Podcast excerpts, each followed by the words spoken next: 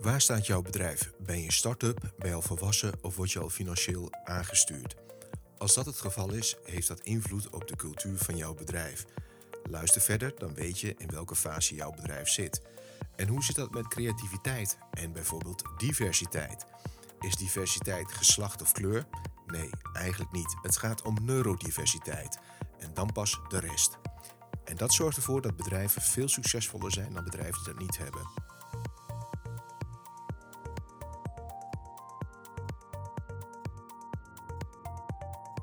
Luisteraars, welkom bij deel 2. Uh, ik zit nog steeds met Katelijn Ritsma van Eek, een prachtige naam. Uh, maar ze heeft uh, zichzelf al voorgesteld in de vorige podcast, dus dat gaan we niet doen, dat gaan we lekker overslaan.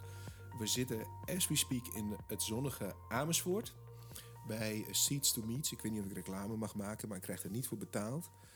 bij een flexibele werkplek. De zon schijnt en we hebben heel veel zin in om dit onderwerp weer verder te behandelen. Zeker. Ja, dus En ik begin met een klein uh, verhaaltje, introductie. En dat is eigenlijk de startpunt om uh, verder over te hebben. In mijn twintigjarige carrière heb ik heel veel bedrijven voorbij uh, zien komen. Veel MKB-bedrijven. Nou, ik heb zelf ook bij Amerikaanse corporates gewerkt. Dus ja, dan heb je wel heel veel dingen van dichtbij gezien hoe het werkt. En vooral ook hoe het niet werkt. Hè. Dus maar er is wel één ding wat mij altijd bleef fascineren. Dat is de innovatie en de verandercultuur. En, en ik heb voor mezelf een heel mooi schemaatje gemaakt. Dat ik bedrijven altijd zelf indeel in drie categorieën. En de eerste categorie is de start-up, of een beginnende bedrijf. Die zijn nog jong en fris. En daar is de bedrijfscultuur nog van, uh, ja, joehoe, we gaan ervoor en we hebben allemaal energie. En uh, s'avonds vliegen de pizzadozen en de blikjes cola om je oren. Ik vind de jihi joehoe cultuur, ja, dat vind ik wel een mooie omschrijving. Ja, dat Ze dat erin houden, gewoon de jihi joehoe cultuur. Ja, dat is gewoon hartstikke mooi. en uh, die gaan er gewoon voor. Hè. De Amerikanen zeggen dan jiha, weet je wel. Dus daar, daar, komt, ja, daar komt het van, vandaan. En die gasten die gaan heel erg door. Maar het leuke is, als je naar zo'n bedrijfscultuur kijkt... op het moment dat je je collega vraagt van... hé, hey, uh, Katelijn of Darminder, kun je mij even helpen? Dan zeggen ze, geef me even een paar minuutjes tijd. Ik kom zo bij je en help je verder. Ongeacht wat je vraagt. Hè. Je wordt gewoon geholpen door je collega's. Nou, nou, dan wordt zo'n bedrijf die wordt natuurlijk groot en dan uh, volwassen. Hè. Overigens, uh, door Safi Bakal en Loonshots uh, is wetenschappelijk bewezen als bedrijven ongeveer groter worden dan uh, 35, 40 man, dan gaan mensen niet meer voor het bedrijf, maar voor hun eigen geld en carrière. Oh, is dat zo? Ja, daar, is een formule voor. Die, die staat ook in het boek omschreven. Die is fantastisch. Dus eigenlijk, als je een groot bedrijf bent, knip het allemaal op in kleine eilandjes. Dat werkt gewoon veel beter. En maak ze allemaal eindverantwoordelijk voor hun eigen eilandje. Want dan gaan ze namelijk voor, voor dat eilandje. En is de competitiedrang veel beter. Maar vooral als je dat laat inrichten naar klanten toe, ja, dan heb je gewoon de beste service wat er is. Want als het groter is, dan gaan ze weer voor hun carrière en geld. En dat wil je nou net niet. Ja, misschien wel, maar goed, daar kun je over discussiëren. Maar we gaan naar fase 2. Er wordt een organisatie volwassen. En dan zie je dus dat die organisatie uh, heeft in één keer uh, managerslagen bijgekregen. Want er moet in één keer uh, 50 of 100 man moet, gemanaged worden. Er zit een HR-afdeling, financiën, wagenparkbeheerder. Hè, dat doet iemand ook erbij en zo. Maar het interessante is, als je dan dezelfde vraag stelt van... hé, hey, Katelijn Darminder, kun je me even helpen? Dan is de antwoord vaak in zo'n cultuur... Uh, ja, ik ben nu even bezig met een rapportage. Maar schiet maar even wat in in mijn Outlook of in mijn agenda. Kun je even zien wanneer ik nog tijd voor jou heb. En dan kom ik erop terug. Dus dan wordt het al veel meer gepland en georganiseerd. Wordt die hulpvraag vanuit de mensen geregeerd. En dan heb je de derde fase van de organisatie. Dan, dan, ik noem dat van die junk-organisaties, want die zijn te verslaafd aan hun omzet. En Maslow zei, als je een hamer hebt, zie je alleen maar spijkers. Dus die organisaties, die zijn zo financieel gedreven en die jagen alles op dat elke week, elke dag, elke kwartaal die resultaten behaald moeten worden. En dat is helemaal heilig. En de ene kant snap ik dat, maar dat is killing voor je, killing voor je cultuur en voor innovatie. En wat je daar ziet, als je dezelfde vraag stelt van... hé hey Katelijn, Darminder, zou je me even willen helpen? Ja, nee, daar ben ik niet voor. Dat, dat, daar is iemand anders. Dan moet je naar Jopie toe of uh, naar Truus. Want uh, dat is haar of zijn taak, dat is haar functie. Dat, dat doe ik dus niet. En daar zie je dus dat die creativiteit volledig uit die organisatie geslagen is. In fase 1 en 2 is de creativiteit aanwezig. In fase 3 is alleen financiële creativiteit aanwezig. Goed, leuk voor de boekhouding en de resultaten, maar het maakt jouw organisatie niet toekomstbestendig. Dus creativiteit uh, komt in vele vormen. En dan wil ik het aan jou neerleggen, bij jou neerleggen, Katelijn. Dan gaan we naar jou toe. dat creativiteit, hè, ik denk dat je dat herkent, hè, organisatie fase 1, 2 en 3. Moet je dat creëren? Moet je dat managen? Waar gaat het mis? Wanneer, wanneer, wanneer ontstaat creativiteit en wanneer wordt het eruit gearrangeerd of gemanaged? Nou, wat een uh, leuke vraag en een uitgebreide intro. Uh, ja, creativiteit. Ja, die intro was omdat mensen die nu luisteren zichzelf moeten gaan afvragen bij welke type organisatie werk ik. Organisatie. Ja. Nou, ik, ik, kan ook nog wat zeggen over organisatiecultuur, vind ik ook super interessant. Maar laat ik beginnen met, met creativiteit. Volgens mij gaat het bij creativiteit heel erg om de omstandigheden creëren om, om creativiteit op te wekken, zeg maar.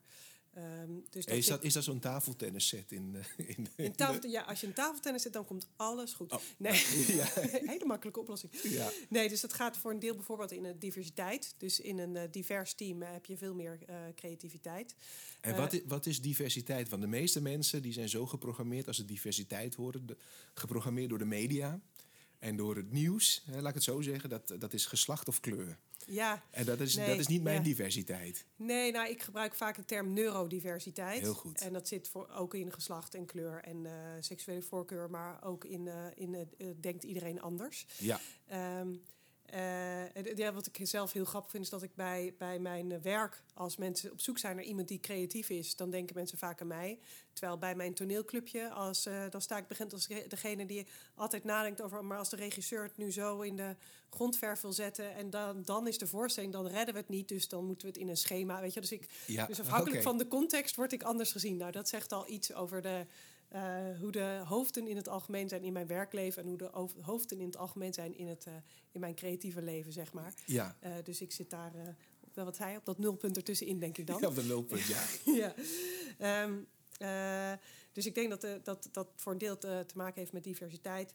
En voor een deel bijvoorbeeld ook met verveling en inefficiëntie. Als je, als je heel erg efficiënt gericht bent op dit is mijn taak en dit is mijn doel dan zie je de zijweggetjes niet meer. En creativiteit zit vaak in, in zijweggetjes en toevalligheden. Uh, maar dan moet je wel de rust hebben die zijweggetjes en toevalligheden te zien en, en, en uh, ja, spelen. De, de, de, de, gekke, rondfladderen. Ja, is dat misschien een gekke zijsprong, maar is dat ook bijvoorbeeld de reden waarom, um, omdat we zo overgeorganiseerd en strak georganiseerd zijn in de gezondheidszorg, dat we geen alternatief meer zien om die coronaproblematiek anders aan te vliegen?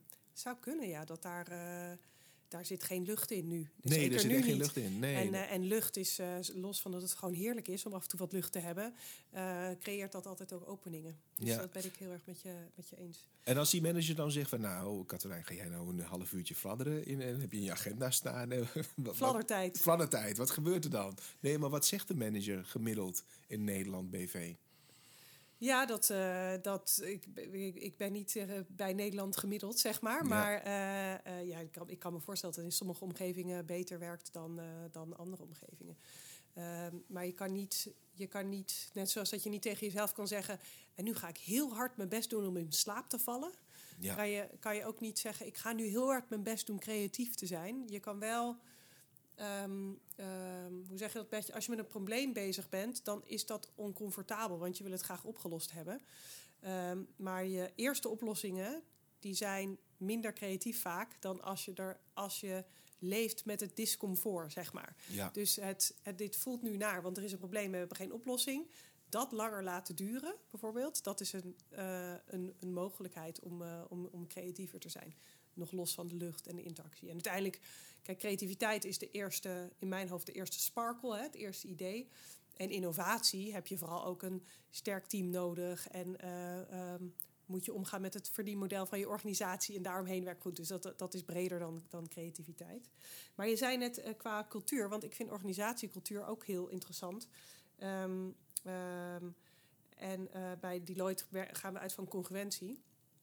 Ja, ik zei net ook al in uh, het einde van de eerste helft dat ik, uh, dat ik mijn vlogs en zo persoonlijke ja. uh, titel doe. Dat is een beetje omdat als wij vanuit Deloitte een, een, een, vlog maken, dan komt er aan het eind een groene punt en is het allemaal perfect uitgeleid. Ja, is heel corporate. Heel ik herken corporate, dat vanuit dus, dus ik heb met communicatie afgesproken dat ik dingen gewoon een persoonlijke titel doe, heb ik iets meer vrijheid. En nog steeds ja. associëren mensen mij met Deloitte en ik ben ook heel trots dat ik daar werk, maar ik wil gewoon iets meer vrijheid. Nou, dus dat doe ik zo. Maar daar werken... Vandaar dat je ook hier zit op persoonlijke titel. Precies, ja, precies. Maar, maar toch uh, trotse werknemer. En wat wij vaak gebruiken als we kijken naar cultuur, wat ik onwijs een uh, fijne manier van kijken vind, is dat het uiteindelijk gaat om congruentie tussen uh, wat je zegt, wat je doet en wat je hebt. Ja. Dus als je zegt, we vinden diversiteit heel belangrijk, maar je hebt een heel homogeen personeelsbestand, dan gaat hier iets mis. En als je dan ook uh, grapjes maakt over Zwarte Piet, dan heb je, is je gedrag ook niet congruent, zeg maar. Dus, ja. Ja, dus het gaat om congruent krijgen wat je zegt, wat je doet en wat je hebt. En, en als dat lukt, dan ga je vliegen als organisatie. En heb jij voorbeelden van bedrijven die uh, zo'n vraagstuk hadden? Hè? Je, je, hoeft geen namen te noemen en rugnummers, hè? maar waarbij je het wel gezien hebt, dat proces van dat ze daar die bewustwording hadden, oude situatie en wat het hun opgeleverd had, dat ze daarmee aan de slag zijn gegaan. Ja, het is ontzettend gaaf om te zien. Ja, dat is, uh, ja, dat is gewoon echt genieten. Want je ziet dan echt zo'n van die besefmomenten en ook van die auw. Dus ik heb, ik heb dingen verkeerd gedaan. Weet ja. je wel? Dat, je, dat zie je bij leiders dan gebeuren. En een switch naar van oké, en nu ga ik en dan even balen. En, dan, en nu ga ik naar de toekomst dingen anders doen. Um, en dan zie je medewerkers ook weer opbloeien en, en die gaan weer licht geven, zeg maar. Die gaan ja. er zit weer energie in. Ja, dus ik vind dat echt een cadeautje. Ik vind het ontzettend uh, leuk om dat soort, uh, dat soort trajecten te doen. Ik, ik of ik ben, ik ben gestart met die drie fases: hè, van start-up, volwassen of uh, financieel doorgedraaide organisaties. Als je nou zelf uh, binnen zo'n. in een van die drie fases als bedrijf of manager uh, zit. Maar je wilt er wel werk van maken. En waar start je dan? Uh, hangt vanaf waar je werk van wil maken. Maar wat ik wel heel veel afgelopen jaar zie gebeuren, is dat veel organisaties die veel met die financiële resultaatgerichte prikkel bezig waren, zich veel meer zijn gaan beseffen uh, dat ze ook een rol hebben in de maatschappij. En die vraag van de, een, eigenlijk een purpose vragen, waarvoor besta ik eigenlijk als organisatie? Uh, bedoel, ik ben uh, consultant, ik besta er om, omdat ik het gaaf vind om, om organisaties en mensen te helpen en een, een, een, stap verder te brengen. En ja, daar verdien ik geld mee. Maar dat is altijd de tweede, zeg maar. Snap je? Ja. En uh, jij hebt natuurlijk ook je eigen bedrijf. Dus um, ik zie heel erg een beweging daarin. in in dat mensen veel meer gaan nadenken over die purpose. En daar zit denk ik nog een andere laag bij. Um, in die end zijn wij mensen zijn sociale wezens. En uh, dat we met elkaar zaken doen. Het doel is niet het zaken doen. Het doel is dat we met elkaar sociale interactie hebben. Wij zijn Ja. als mensen communities. Ja, Ik ben bezig met een imkercursus. Ik heb al vijf cursussen. Ik, ben, ik doe altijd heel veel naast mijn werk, vind ik gewoon leuk. Maar ik ben bezig met een imkercursus. En wij zijn eigenlijk allemaal bijtjes in zo'n... In zo'n in zo'n eh, hives. ja, in een, ja, de hype. Ja, oh Ja. god. Ja. Wat een slechte eh, analogie. Nou, maar het gaat om die community, snap Ja, je? Dus het gaat om de interactie met elkaar. En, eh, dat is, en we bedenken allemaal dingen om die interactie met elkaar te hebben. Volgens mij draait het daarom. Zijn er bedrijven die het creëren of het managen van creativiteit in hun beleid hebben opgenomen? Nou, ik weet, ik, ik, weet- ik, weet, ik weet niet. Ik heb meerdere malen gehoord dat, eh, eh, maar ik weet niet of dat nog steeds zo is, dat bijvoorbeeld bij Google je eh, eh, een halve dag in de week gewoon eh, eh, helemaal zelf mag weten hoe je het doet en waarom je het doet. Ja, en daar zijn trouwens daar is ook Gmail uit ontstaan. Hè? Oh ja, oh, dat ja, is er niet zijn een aantal, aantal, van, aantal van dat soort producten. Zijn daaruit voortgekomen. Ja, die zijn daaruit voortgekomen, omdat mensen dus een halve dag van een hele dag eh, zelf mochten invullen om product of dienst binnen hun bedrijf te verbeteren. Maar een volledige vrije hand. Ja. Zodat ze, dus er zijn heel veel dingen eh, ontstaan en ook heel veel dingen die hebben uh, licht eens niet gehaald. Maar de goede wel uiteindelijk. Dus dat is ook een methode. Hè? Dus eh, je- ze hebben de mensen dus 32 uur fulltime voor het bestaande en gaan maar 8 uur freewheelen voor het bedrijf. En dat heeft toch, eh, ja, daardoor werden ze zelf creatieve ondernemers in een bedrijf. ja, dat is ontzettend leuk. Dat is heel slim gedaan.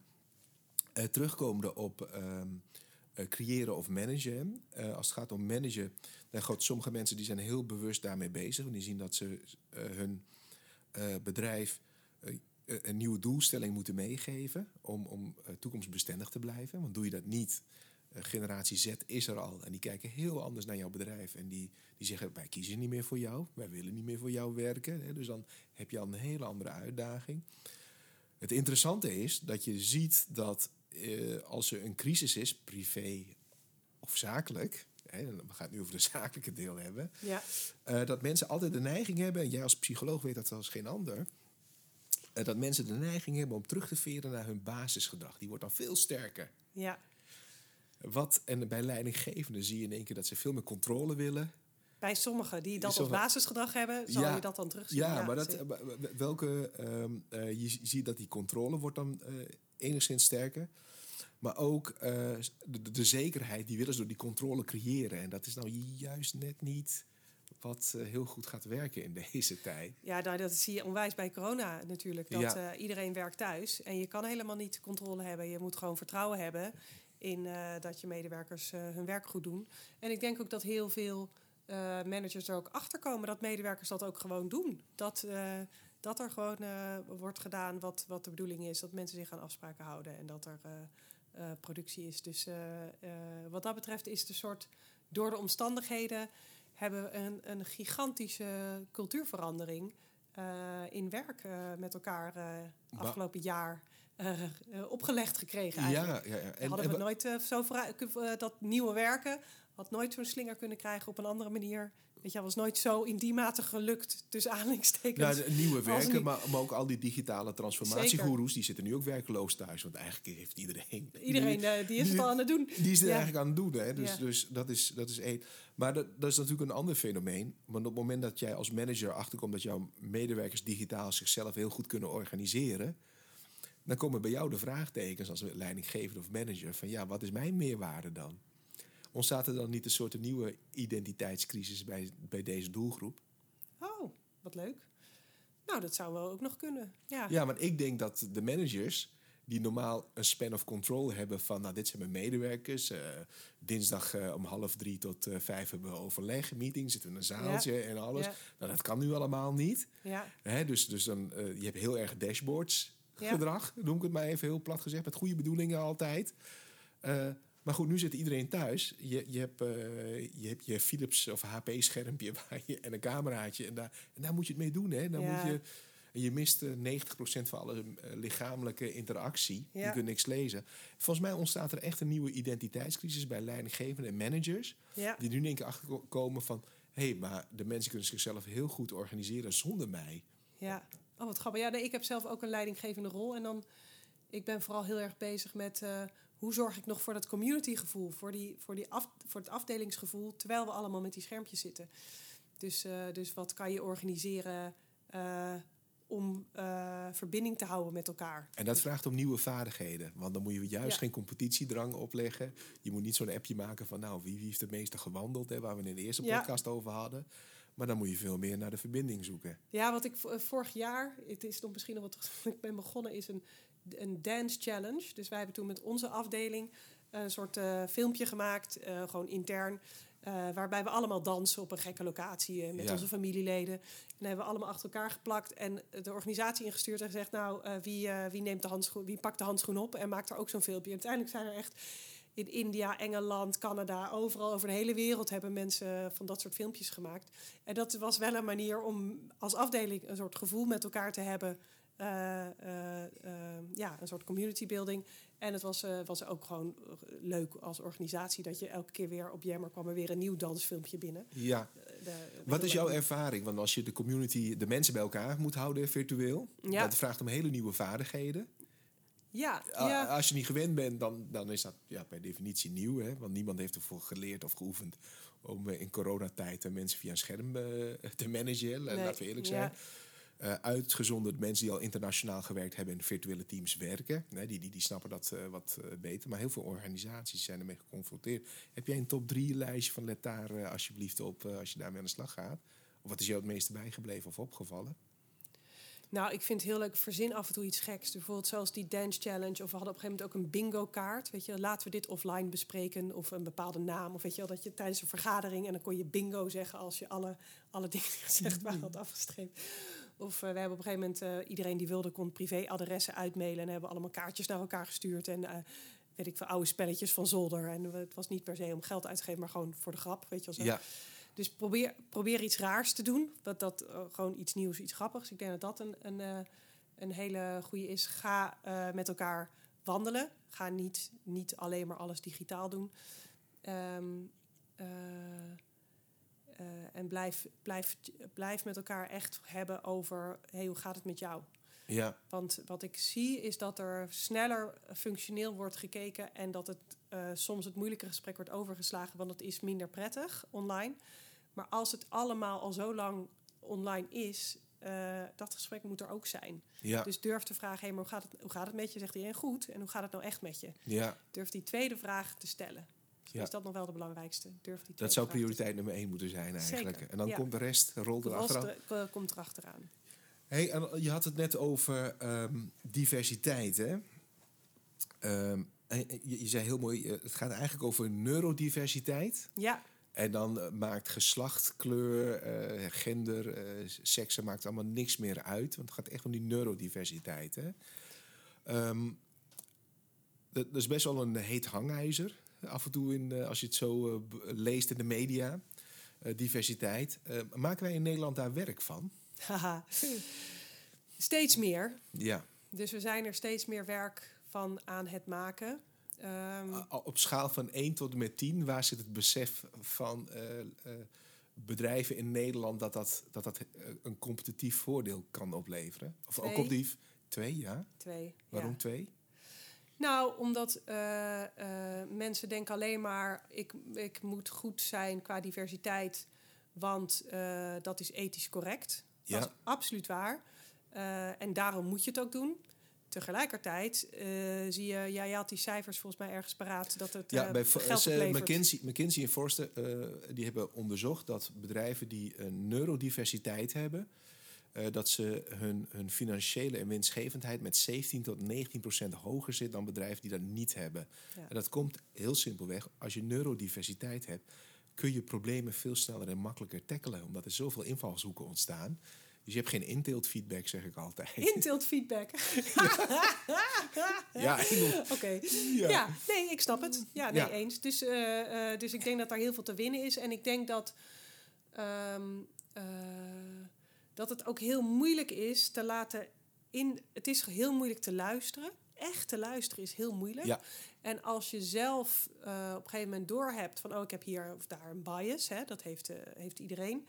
En iedereen is racist, zeg ik altijd. Dat is, is gewoon een feit van het leven. Eh, als je daar je bewust van bent, dan nog blijf je, blijf je ehm, met, die, met die bril kijken. Zelfs al heb, ben je ervan bewust, ik heb een bias, dan nog kan je die bril niet afzetten. Dat is heel moeilijk. Dus, dus, dus we moeten heel veel stappen door om onszelf echt te corrigeren eh, in diversity en inclusion. En, dan, en, en daarin zit je, zit, heb je een soort volwassenheid. Dus als je zegt van oh, we gaan met alle LGBT-community bij elkaar zitten, of we gaan bij alle vrouwen bij elkaar zitten, dan zit je aan het begin. Want uiteindelijk gaat het om gedrag van iedereen. Dus, Ja. eh, dus dat is een teken dat je nog niet super volwassen, volwassen bent als je niet ook juist met, eh, met, met, eh, met de dominante groep, zeg maar, Ja. En die- over hebt. En dat getal 2, hè, dat heeft dat Van ook. de tien, ja. Ja, van de, van de tien. Heeft dat ook mee te maken dat wij qua cultuur in Nederland redelijk eigenwijs zijn en bedweterig? Dat dat wat, want, kijk, als, ik zeg altijd, toen ik internationaal werkte, ze, heb ik zoveel landen gezien. En toen vroeg ze een keer in Duitsland, ja, wat is nou eigenlijk het cultuurverschil tussen al die landen? Ik zei, nou, ik het je simpel uitleggen. Als je zegt, spring in het water in België, dan zegt de Belg, allee, hoe laat? En, een, en als je dat tegen een Nederlandse medewerker zegt, zegt hij: Nou, jij bent de manager, Katlijn. Doe jij dat maar eerst? En als het goed gaat, doe ik het misschien ook. ga ik misschien ook. Dan Ja. ga ik misschien ook, met nadruk op misschien. En een Duitser zegt: "En Wie is dat proces? En weet je wel, die wil Ja, ja. weten hoe moet ik in het water springen. Dus zoiets is waarschijnlijk in andere landen anders door te voeren, omdat we hier redelijk eh, polderend zijn. Ja. Eh, maakt het dat juist niet extra moeilijk? Eh, Of is dat een enorme voordeel? Ja, dat is een goede vraag. Ik heb geen idee. Ik denk dat het wel een voordeel is dat, dat je, als je poldert, dan praat je met elkaar. En, en, en dat is een heel belangrijk onderdeel van diversity en inclusion. En ook dat, je, dat we hiërarchie niet zo belangrijk vinden als op andere plekken. Eh, maakt denk ik ook uit. Want dan kan je ook eh, tegen eh, iemand die boven je staat, dus aanhalingstekens zeggen van hé, hey, je, zei, je zei dit en dit en dat en dat. Ik weet dat je het niet, goed, niet slecht bedoelt, maar het is gewoon niet tof, want. En dat kan gewoon. En in de omgevingen waar ik loop, wordt dat ook heel erg gewaardeerd altijd. Ik ben, kom zelden in de organisatie waar mensen zeggen... nou, wij haten feedback echt. Ik kom wel in organisaties waarbij het niet genoeg gegeven wordt aan elkaar. Ja. Maar, eh, eh, maar er is vaak wel het streven om dat, eh, meer te doen en dat, en dat kan ook. En, en in andere culturen kan je soms echt niet naar iemand boven je iets zeggen over wat beter zou kunnen. Ja, ja, ja. En de bedrijven die het wel hebben gedaan in Nederland, waarmee jij hebt samengewerkt, hè? nogmaals zonder namen en rugnummers te noemen, hè? die hebben daar wel werk van gemaakt. Beleid, geïnvesteerd. Wat heeft ze dat opgeleverd? Ja, dat verschilt onwijs per organisatie, maar als het eh, eh, goed gedaan wordt en het wordt vastgehouden, ja, dan, dan, dan krijg je dat het gaat vliegen. En dan krijg je dat mensen zich eh, gezien voelen en gewaardeerd worden voor hun uniciteit. Ehm, eh, en dan komen mensen allemaal tot bloei. En als alle verschillende mensen in je organisatie tot bloei komen, ja, dan, dan, dan, dan, dan, eh, eh, dan krijg je een veel betere sfeer en een veel beter resultaat. Ja, en daar draait het eh, bij een commercieel bedrijf vaak wel om, hè, onderaan de streep. Dus het loont om daar werk van te maken. Als ehm, afsluiter, want we zitten al bijna weer tegen de tijd aan, het gaat best snel. Heb jij nog een paar praktische tips die als je nu in de auto aan het sporten bent, koken, strijken, want dat doen mensen allemaal tegenwoordig als ze podcasten luisteren. Ja, Heb je nog een paar praktische tips die ze eh, mee kunnen nemen of kritische vragen die ze zichzelf eh, kunnen stellen om dat proberen te beantwoorden? je- ehm, nou, ik, ik, ja, ik heb, ik ja. Ik zou, zou, mijn tip is om te kijken naar wie ben ik, wie wil ik zijn ja, en wat wil ik bijdragen aan, aan het leven, aan de wereld, aan anderen. Eh, en die vraag, eh daarnaar je leven in te richten. Want Ja. vaak zijn we bezig met eh, mails wegwerken en was opvouwen. ja, Misschien letterlijk nu, hè, de luisteraar. En dan zijn we zo bezig met al die dagelijkse acties dat we helemaal overslaan waarvoor we op aard zijn, zeg maar. Ja. En dat is voor iedereen anders. Maar als jij de wereld een stukje mooier wil maken en je bent alleen maar bezig met mails wegwerken en was opvouwen, denk, denk dan even na over van eh, wat, wat, wat is het grote verhaal wat je wil brengen. En ik heb voor de luisteraars ook nog een, eh, een vraag of een tip. Eh, je zult een paar onderwerpen in de eerste en deze tweede podcast met Katelijn eh, gehoord hebben van je denkt van gewoon een opsteker. En een aantal dingen, nou, daar herken ik mezelf helemaal niet in. Hè? En dat is de politiek correcte antwoord. Op het moment dat je dat denkt, eh, of, of voelt of zegt, dan moet je bij jezelf afvragen wat ik nu zeg over dit onderwerp, of het bepaalde onderwerp, hoe oud is dat? Wat ik nu zeg. Hoe oud is dat? En eh, als je dat weet te beantwoorden, dan weet je al dat dat probleem veel langer speelt dan dat je dat ooit hebt gerealiseerd. Ik wens je nog een hele fijne dag toe. Bedankt voor het luisteren. Katlijn, jij ook bedankt voor het. Jij eh, bedankt. en eh, wellicht tot de volgende keer. Heb je vragen, dan kun je Katelijn Ritsma van Eck op LinkedIn vinden. Ga met haar connecteren en ze zal je vast waar mogelijk op weg kunnen helpen. Eh, heb je overige vragen over veranderen, innovatie, verdienmodellen? Neem contact op met mij, met Bizmodel. En dan kletsen we daar gezellig over verder. Bedankt voor het luisteren en tot de volgende podcast.